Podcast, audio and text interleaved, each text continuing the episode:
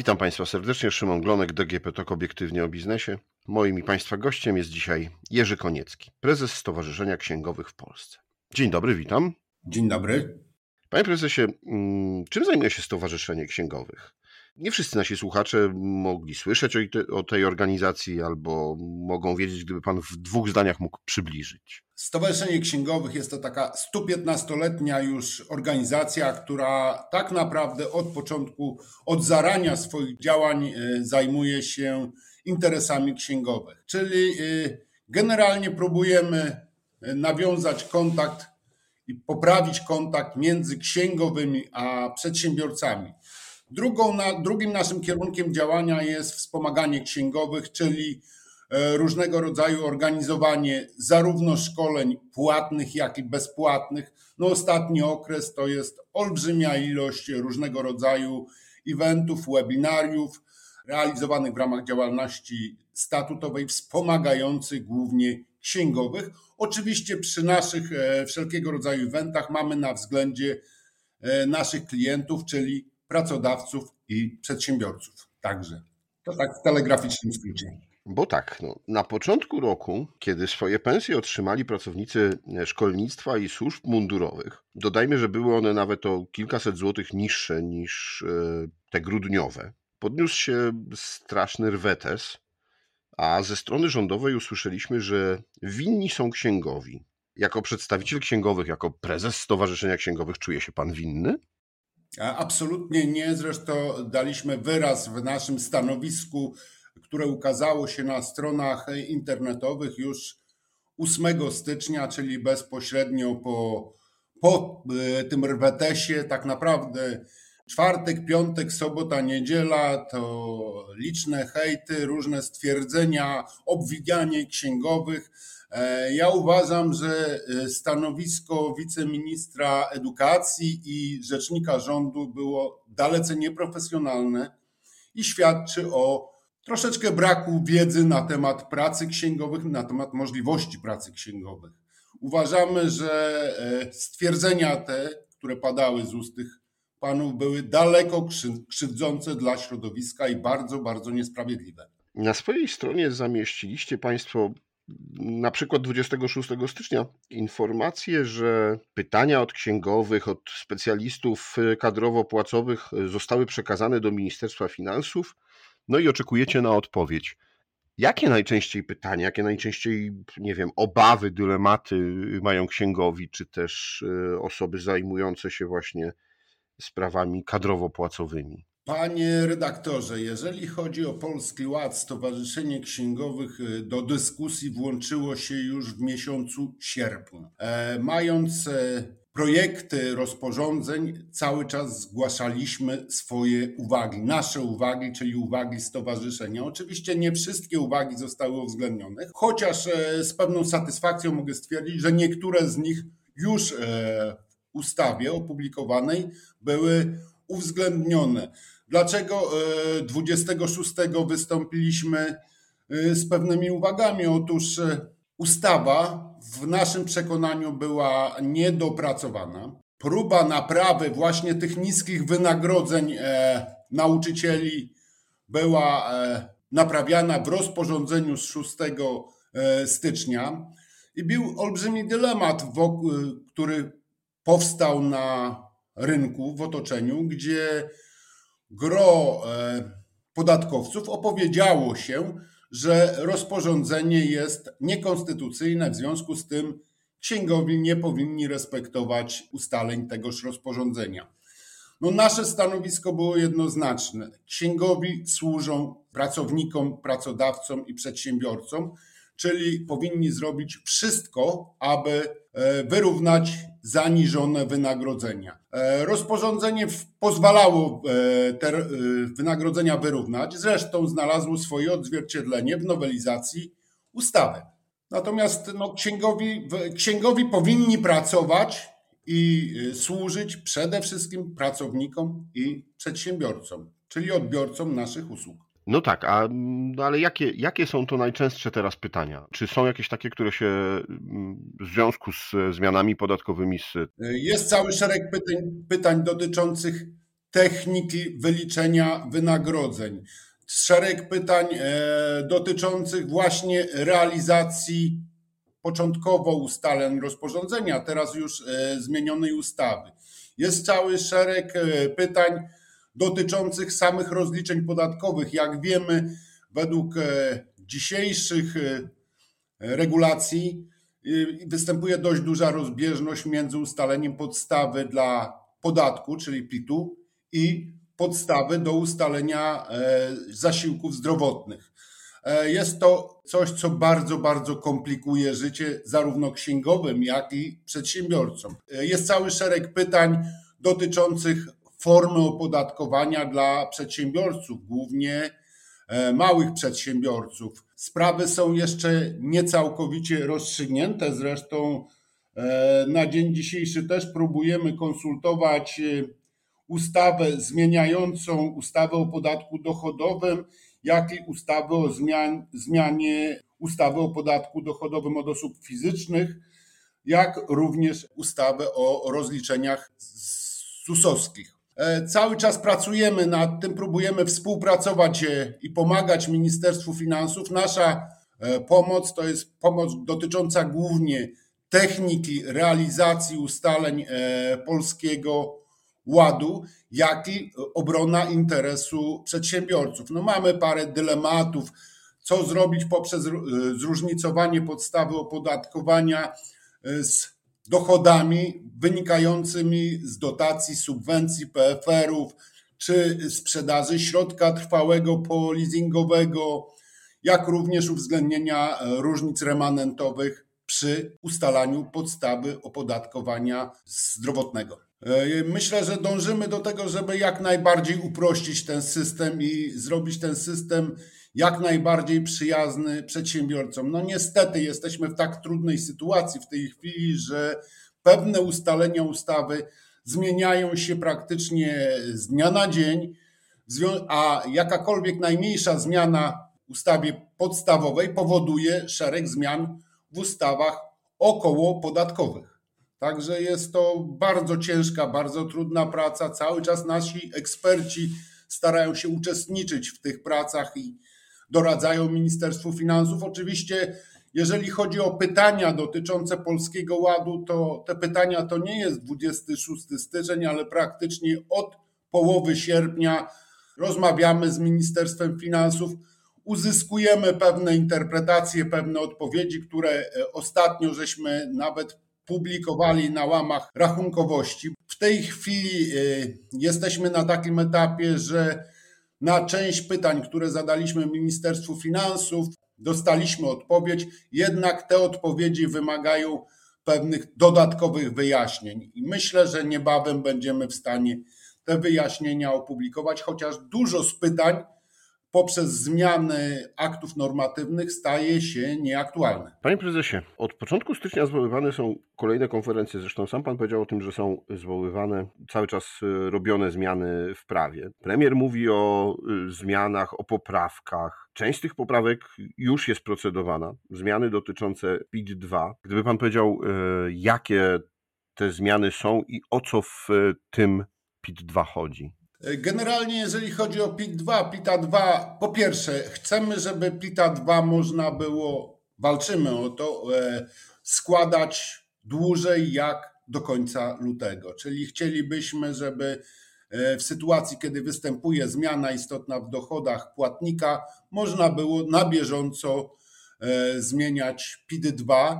Czego sprawa głównie dotyczy? Sprawa PITA 2 dotyczy takiej sytuacji, kiedy to pracownik uzyskuje dochody z różnych źródeł. PITA 2 na dzień dzisiejszy można złożyć tylko u jednego pracodawcy. No my jesteśmy w takim okresie dość, dość trudnym, bo poza zmianami podatkowymi e, szaleje olbrzymia inflacja i gro rozwiązań, które przewiduje ustawa, nie przewidziała inflacji, która bardzo deprecjonuje wynagrodzenia. Mamy e, dzisiaj określone progi e, podatkowe, które poprzez inflację też się troszeczkę deprecjonują. Czyli krótko mówiąc, e, przesunięcie środków pieniężnych, a złoże, pierwotne złożenie PITA 2 u jednego pracodawcy mogło, może doprowadzić do, te, do takiej sytuacji, że na koniec roku pracownik będzie zmuszony do dużej dopłaty podatku dochodowego. Oczywiście sytuacja, sytuacja występuje w dwie strony. Niżej zarabiający mogą okresowo nadpłacać podatek, wyżej zarabiający także mogą e, ten podatek nadpłacać i zwrot nadpłaty może wystąpić dopiero przy rozliczeniu rocznym. Staramy się doprowadzić do takich zmian, żeby na bieżąco można było korygować wysokość zaliczek na podatek dochodowy. A teraz tak bardziej ogólnie. Jeśli pan słucha kolejnych konferencji, no bo tak naprawdę nie wszystkie zapowiedziane zmiany już mają jakiś taki charakter dokumentu, do którego można się odnieść, czy propozycji zmiany, czy już procedowanej jakiejś, e, jakiegoś dokumentu, to jeśli pan przygląda się temu, co się dzieje, to czy uważa pan, że te zmiany wpłyną pozytywnie na jasność i przejrzystość systemu podatkowego? Czy Polski Ład ma szansę być, e, no właśnie tym, czym był zapowiadany, czyli takim uproszczeniem podatków, e, wielką zmianą, która jest dla obywatela? Na chwilę obecną uproszczeniem na pewno nie jest. Jest dużo spraw jeszcze nierozwiązanych, a chociażby takie grupy zawodowe jak emeryci, którzy de facto nie mogą korzystać w większości przypadków z ulgi dla klasy średniej. W ogóle, jeżeli chodzi o emerytów, ulga dla klasy średniej do tej pory w dotychczasowych rozwiązaniach była nie uwzględniona. Jest e, cały szereg grup społecznych, które są w ogóle nie uwzględniane w Polskim Ładzie. Poza tym, no, e, jakbyśmy nie spojrzeli, to rozwiązania Polskiego Ładu e, nakładają dużo większe obowiązki w zakresie płatności danin na osoby wyżej zarabiające. I ja, tak, tak jak mówię, przy tak szybko rosnącej inflacji te wszystkie ulgi, 12 800 złotych miesięcznie ulga dla klasy średniej, one bardzo szybko się deprecjonują i zmniejsza się tak naprawdę ta korzyść. Bez wątpienia Polski Ład e, jest na chwilę obecną korzystny dla osób nisko zarabiających. Zobaczymy, jak będzie to wyglądało na koniec roku, bo, bo jednak inflacja szaleje.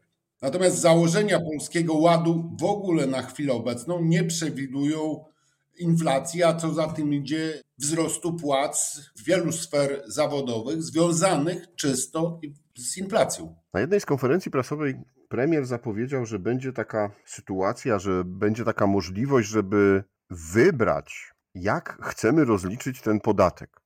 Czy według informacji, czy według e, systemu z 2021 roku, czy jednak korzystając w pełni z Polskiego Ładu i tego, co się wydarza w e, podatkach w 2022 roku, jak pan na to się zapatruje? Czy, czy to jest rzeczywista jakaś taka dowolność i podatnik będzie mógł sobie wybrać dla siebie korzystniejszy sposób rozliczenia? Czy to jest tylko takie uspokojenie wyborców, a de facto i tak to będzie narzucone z góry ja myślę, że tak. Polski Ład wprowadził e, sporo instrumentów, wybór których zależy bezpośrednio od podatnika, a chociażby CIT estoński, który tak naprawdę e, zwalnia z płatności wielu danin, ale zobowiązuje do inwestycji.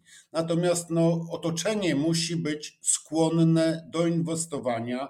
E, w zasadzie przedsiębiorcy inwestują przy stabilnej, utrwalonej gospodarce i utrwalonym systemie podatkowym. E, dzisiaj system podatkowy jest mało stabilny, bo ulega istotnym zmianom. Tak naprawdę Polski Ład to jest rewolucja podatkowa i ja myślę, że nikt się nie spodziewał, że przygotowywując Polski Ład, wszystko będzie od razu e, w sposób doskonały opracowane. Nikt nie przewiduje i nie jest w stanie, w moim przekonaniu, przewidzieć zdarzeń gospodarczych i wszystkich aspektów wprowadzanych zmian w taki sposób, aby nie było e, nieporozumień i żeby wszystko doskonale e, funkcjonowało. No myślę, że jeszcze kilka miesięcy pracy nad e, systemem, nowym systemem podatkowym nas czeka i to ciężkiej pracy, żeby uwzględnić interesy przedsiębiorców i pracowników. No, w, trudnej, w, trudnej sytuacji, dzisiaj bardzo trudnej sytuacji jest cała sfera budżetowa, gdzie przy szalejącej inflacji te korzyści, które powinny wynikać e, z polskiego ładu, są konsumowane przez e, wzrost cen zarówno środków produkcji, jak i żywności. Mam takie wrażenie, że polski ład e, no, najpierw dotknął służby mundurowe nauczycieli. Teraz na koniec miesiąca pracowników, którzy dostają tę pensję na koniec miesiąca i pojawiło się wiele też informacji w internecie o tym, ile kto dostał mniej i, i jakie, no też jak, jak ludzie są zdziwieni tą sytuacją. No, następny taki moment, no to będzie e, teraz, w lutym, kiedy zaczną rozliczać się przedsiębiorcy. Luty, marzec, tak. 20 tak. lutego, kiedy muszą zdecydować i wybrać, e, e, jak będą się rozliczać w 2022 roku. Czy jest jeszcze jakiś taki moment, który będzie no, takim krytycznym sprawdzianem dla Polskiego Ładu? Na pewno rozliczenie roczne sprawozdań finansowych. Ja myślę, że teraz to jest okres połowa lutego, koniec marca i później rozliczenie roczne za 2022 rok. Myślę, że dużo podatników spotka się z sytuacją, że w rozliczeniu rocznym będzie musiało dopłacić dużą kwotę podatku. W takim razie pojawia się coraz częściej pomysł i ze strony szczególnie pracodawców i też e, organizacji zrzeszających przedsiębiorców, żeby jak najszybciej polski ład odłożyć, żeby doprowadzić do sytuacji, w której zostają te pozytywne zmiany dla podatnika, czyli kwota wolna, czyli zmiana e, wysokości progów podatkowych, ale te, które są e, niedopracowane, te, które są jeszcze cały czas poprawiane, żeby odłożyć i wprowadzić je dopiero od 2023 roku. Co pan o tym myśli? Panie redaktorze, troszkę pan mnie wprowadza e, w sprawy polityczne, w które nie chciałbym się mieszać w tej dyskusji, bo, bo tak naprawdę reprezentujemy księgowych, żeby im ułatwić pracę i dać możli lepszą możliwość doradzania swoim e, klientom.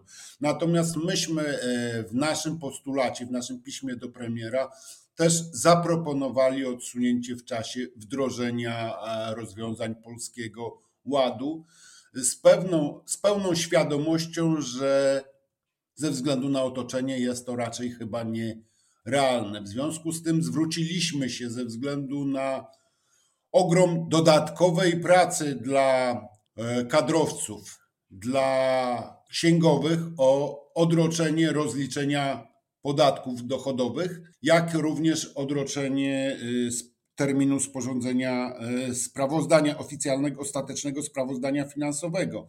To nie przez to, że jest to trudno zrobić, natomiast e, prawo stało się tak niestabilne, tak często występują poprawki i zmiany, że ciężko jest sprostać tym, tym e, wymaganiom. Tym bardziej, że e, księgowi przy i kadrowcy dzisiaj, bo to tak naprawdę trzeba, trzeba powiedzieć, że to są te dwie grupy, ja, wszystko jedno jak jest wał, księgowi, kadrowcy, płacowcy, mają olbrzymi przyrost e, pracy, no, chociażby ze względu na rozporządzenie z 6 stycznia, to, które dzisiaj znalazło się w ustawie, w wielu przypadkach trzeba sporządzić dwie listy płac, wybrać dla pracownika wariant korzystniejszy. Jest to ogrom pracy, naprawdę zmiana systemu podatkowego, zapoznanie się z tak olbrzymim e, pakietem zmian, jest to materiał blisko 700 stron. E, zrozumienie tego, materiał jest pisany dość trudnym językiem, bo jakbyśmy tak naprawdę zajrzeli w te dokumenty, to tam jest odwołanie się w jednym artykule do drugiego artykułu, czyli tak naprawdę wraca się do czytania poszczególnych elementów po kilka razy, żeby zrozumieć treść konkretnego artykułu, który chcę zinterpretować. Tak dużo jest pytań interpretacyjnych, tak dużo wyjaśnień potrzebują, potrzebujemy przy e, interpretowaniu ustawy, że jest to naprawdę bardzo duży ogrom pracy dla, dla tych grup. Do tego dochodzi e, dość trudna decyzja dla przedsiębiorców, szczególnie małych, średnich, czyli wybór formy opodatkowania. E, nawet powstaje bardzo dużo kontrowersji i, pytań, jaką stawkę podatku zastosować przy poszczególnych czynnościach wykonywanych w ramach ryczałtu, bo nie jest na dzień dzisiejszy jednoznaczna interpretacja 17 czy 18% czy 19% wybrać, żeby nie popełnić, nie popełnić błędu i potem, żeby nie ponosić konsekwencji wynikających z kontroli organów skarbowych. No, duża pula przedsiębiorców zastanawia się jeszcze nad tym 8,5% y, ryczałtem, tak? takim, który jest dla innych. Tak jest. No, y, dzisiaj mamy taką sytuację, że z tego, co my obserwujemy w otoczeniu, no, duża część y, podatników e, zastanawia się, czy, czy nie przejść na, na e, ryczałt, czy nie wrócić na przykład do rozliczeń e, podatkowych w Krusie i czy nie rozszerzać, przykro to mówić, ale szarej strefy. Obciążenie dochodów dzisiaj stało się bardzo duże, no doszło dodatkowe 9% tak jak mówimy, że powinno się zrównać e, poziom życia, to z drugiej strony no, tego poziomu życia e, nie zrównamy, bo inny koszt jest życia w Warszawie, we Wrocławiu, w Krakowie, czyli w dużych miastach, zupełnie inny w małych ośrodkach. Ale jeśli chodzi o szarą strefę, szczególnie w tych e, miejscach, gdzie dotyczy to zatrudniania pracowników, no to Polski Ład też przewiduje różnego rodzaju sankcje dla osób no, niewypełniających, znaczy nie, nie zatrudniających na umowę o pracę. Ale to nie jest tylko zatrudnienie, to jest praca w ogóle w szarej strefie. Niech pan zobaczy cały obszar, obszar budownictwa, dużo zawodów medycznych, gdzie y, wiele usług płatnych wykonuje się bez paragonu, bez rachunku. Zresztą trudno, trudno tutaj e, mówić, ale jest bardzo dużo zawodów, gdzie praca wykonywana jest bez udokumentowania. I będzie się to rozszerzało, no po prostu. Są tak, osoby więcej zarabiające będą robiły wszystko, żeby nie udokumentować wszystkich dochodów.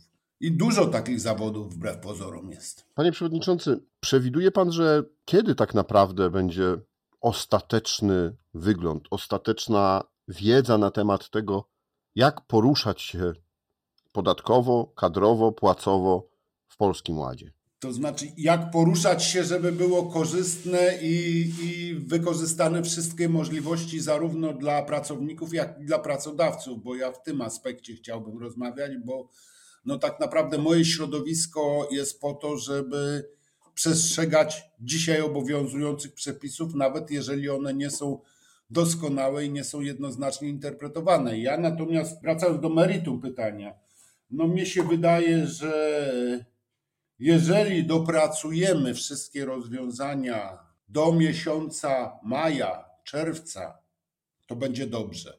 Ja jestem w pełni świadom, że ustawę będziemy pewnie jeszcze może dwa, trzy razy korygowali i część rozwiązań będzie, y, część wyjaśnień będzie wynikało ze rozporządzeń, bo, bo nie wyobrażam sobie, żeby Y, minister finansów czy prezes ZUS-u nie dostał jakiejś delegacji do interpretacji w innych formach. Ale nie nastąpi to w ciągu miesiąca czy półtora miesiąca. Ja w to, bynajmniej ja w to nie wierzę. Jest taki ogrom problemów, jest tak dużo spraw, które należy rozwiązać, jest tak duży ogrom e, problematyki, w zakresie której trzeba uświadomić przedsiębiorców i pracodawców bo dużo nieporozumień będzie wynikało z niezrozumienia przepisów i z nieświadomości po prostu. Przychodzi później rozliczenie roczne, ten PIT 36 czy 38 i wtedy wszystko się wyjaśnia, gdzie popełniłem błędy, gdzie mogłem skorzystać ze jakichś e, zmniejszeń. Tym bardziej, że tworzymy system, który tak naprawdę budowany jest na różnego rodzaju ulgach i odstępstwach od zasady. Pan na wstępie naszej rozmowy powiedział, że fajnie by było i że Polski Ład miał uprościć system podatkowy. Prosty system podatkowy to jest taki, gdzie jest bardzo mało wyłączeń i gdzie system, zbliżone rozwiązania obowiązują wszystkich. Natomiast my dzisiaj tak naprawdę pracujemy na różnego, nad różnego rodzaju wyłączeniami, nad y, różnego rodzaju uproszczeniami płatności podatku. Czyli de facto jeszcze bardziej system jest skomplikowany niż był. Ja myślę, że na chwilę obecną tak. Być może, jeżeli wszyscy będą świadomi rozwiązań, wszyscy poznają ten system podatkowy, co nie nastąpi e, szybko, może on będzie troszkę lepszy. Natomiast każdy system, który oparty jest na, na dużej sferze socjalnej, staje się bardziej skomplikowany, bo dylematem jest, kto ma te e, dopłaty realizować, w jakiej formie, na podstawie e, jakich dokumentów, czy to rzeczywiście ma być zaświadczenie wydawane przez księgowego, czy rzeczywiście e, prawo do, do dopłaty będzie określał ZUS. System się troszkę te, przez to komplikuje.